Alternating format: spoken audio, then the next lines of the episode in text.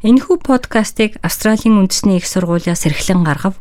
Самэт сонон сонсогчдоо 7 нүгээр та бүхэндээ SBS радиоос хүргэдэг орчин суух хөтжийнхоо энэ удаагийнхаа дугаарыг хүрэхэд бэлэн болжээ. Төлбөрийн чадваргүй болох ямар үр дагавартай байдаг вэ? Австрали улсын эдийн засгийн байдал удаашралтай байгаа нь австралчуудын дунд санхүүгийн хүндрэлтэй байдлыг ихээр нэмэгдүүлж олон хүмүүс төлбөрийн чадамжгүй болж байна. Энэхүү байдлыг хэрхэн даван туулах талаар энэхүү дугаартаа хүргэж байна. Зээлийн төлбөр нэхэмжлэгч таныг төлбөрийн чадваргүй дампуурсан гэж тодорхойлох нь нацтай чухал асуудлуудын нэг бөгөөд хуулийн үр дагавруудыг бас авчирдаг. Уг нөхцөл байдалд ороход жижиг хэмжээний зээл аваад тэрийгэ цагт нь төлөлгүй эсвэл мартах байдлаас эхэлдэг. Гэхдээ тэр бага хэмжээний зээлтэй нь төлбөрийг удаашруулж төлсөн шимтгэл, торгуул, мөн зээлийн өндөр хүүгээд маш хурдан хугацаанд өснө нэмэгддэг.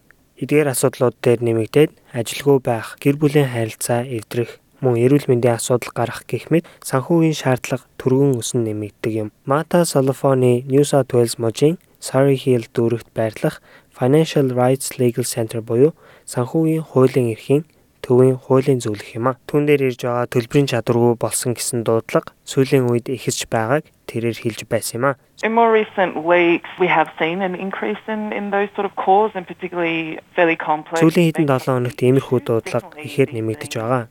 Зарим нь нэлээд төвөгтэй асуудлууд байгаа юм. Ер нь тэгсэн дуудлагууд ихсэж байгаа.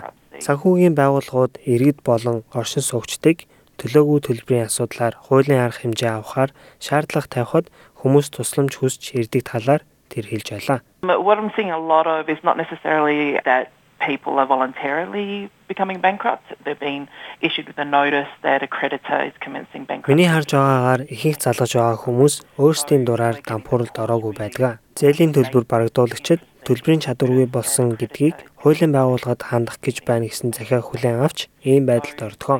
Бидний хувьд эдгээр хэрэг болоод өнгөрсний дараа л мэдээлэл авдаг. Зарим тохиолдолд хамгийн багадаа 5000 долларын өртөө түүнийгээ төлж чадаагүй тохиолдолд хүмүүс төлбөрийн чадамжгүй гэсэн ангилалд унах боломжтой болдог. Харин зарим тохиолдолд энэхүү хэрэг нь хүний хувийн хэрэгт үрд бүртгэгдэж илүү ноцтой ур дагавар хүмүүст учруулдаг.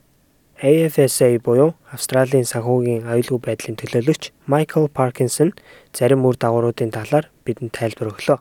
A bankruptcy in Australia usually lasts for 3 years and 1 day. When a person is bankrupt, they lose the right to hold Төлбөрийн чадваргүй гэсэн тодорхойлолт нь Австрали улсад 3 жил 1 өдрийн туршид өрнөдгөө.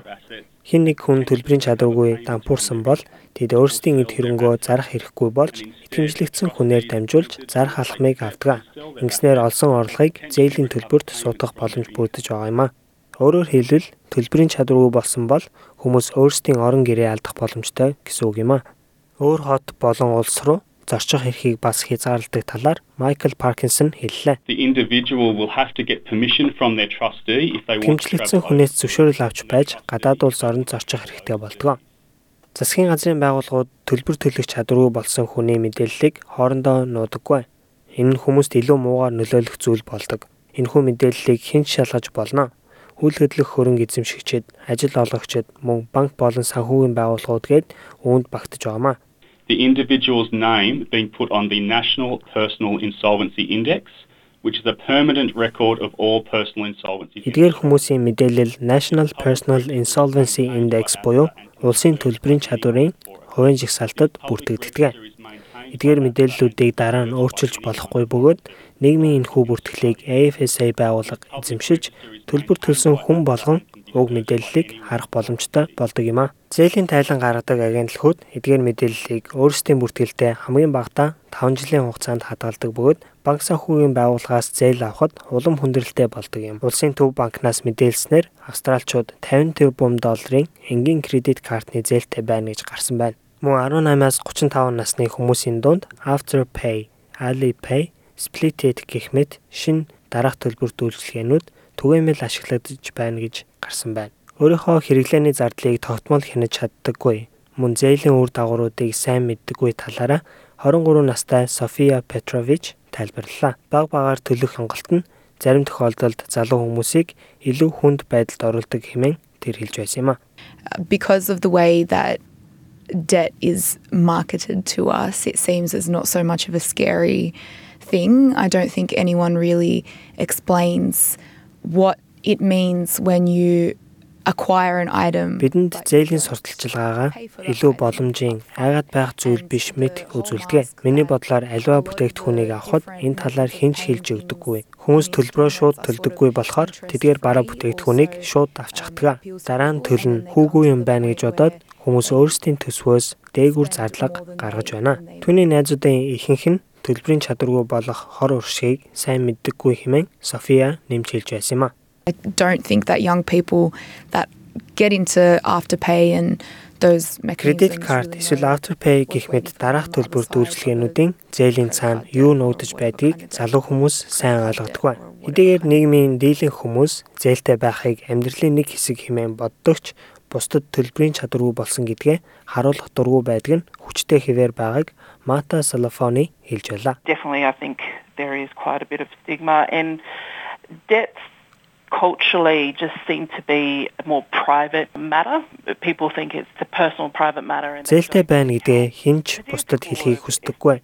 Соёл заншлын хувьд энэ нь хүний хувийн хэрэг байдаг. Тийм ч учраас хүмүүс бусдад хуваалцахгүй, тусламж асуухгүй өнгөрдөг. Ялангуяа өөр улсаас ирсэн хүмүүс бусадтай энэ талаар ярилцах ичүүртэй асуудал гэж тооцож, дампуурах тохиолдлоос урьдчилан сэргийлж, үр дагавраас нь зүгтэж чаддаггүй. Мата Солофоны хуулийн туршлагаасаа харахад давагдшгүй зээлийн төлбөрөөс үүдэн гарч байгаа асуудлууд зарим нийгмийн бүлгүүдэд албан ёсны статистикаас илүү өөр нөлөөтэй байгаа гэж хэлж байлаа. Санхүүгийн бэрхшээлээсээ болоод өөрсдийн амьдралаа дуусгах талаар бодолтой хүмүүс ч таарлаж байсныг тэрээр хэлж байсан юм. I've spoken to a couple of people who who have said that that's really the only option they can think Би хэдэн хүмүүстэй ярилцаж байсан.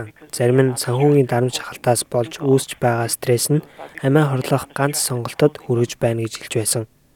Австрали улсын National Debt Helpline буюу улсын өр төлбөрийн лавлахаас үнгүй нууцлалтайгаар сургагдсан мэрэгжилтнүүдээс зөвлөгөө аваарай. Тэдэнтэй 1800 тэг тэг 7 тэг тэг 7 дугаарт даваа гарагаас баасан гарагт өглөөний 9:30-аас 16 цаг 30 минут хүртэл холбогдох боломжтой юм байна шүү. Шинэ 7 хоногт нь амжилт хүсье. Дараагийн дугаараараа удахгүй уулзцаая. Монгол өв уламжлал Монгол гэсэн өрмөц онцлогоо бид хэрхэн хадгалах вэ? Австралийн тэргуулах зэргийн их сургууль болох Австралийн үндэсний их сургууль нь монгол хэлний онлайн курсыг танд санал болгож байна. Монгол хэлийг сурснаар танд өөрийн сурлага, ажил мэргэжилдээ цааш дахин дэвших боломж гарах болно. Монгол хэлийг бүх шатнд сурч болохоос гадна та хаанч амьдардаг байсан зайнаа сурах боломжтой юм. 2020 оны эхний улирлын эсэлд 12 сард эхлэх болно. Дэлгэрэнгүй мэдээллийг Asia Pacific цэг, ANU цэг, EDU цэг, AU зураас Languages холбоосоор орж авна уу?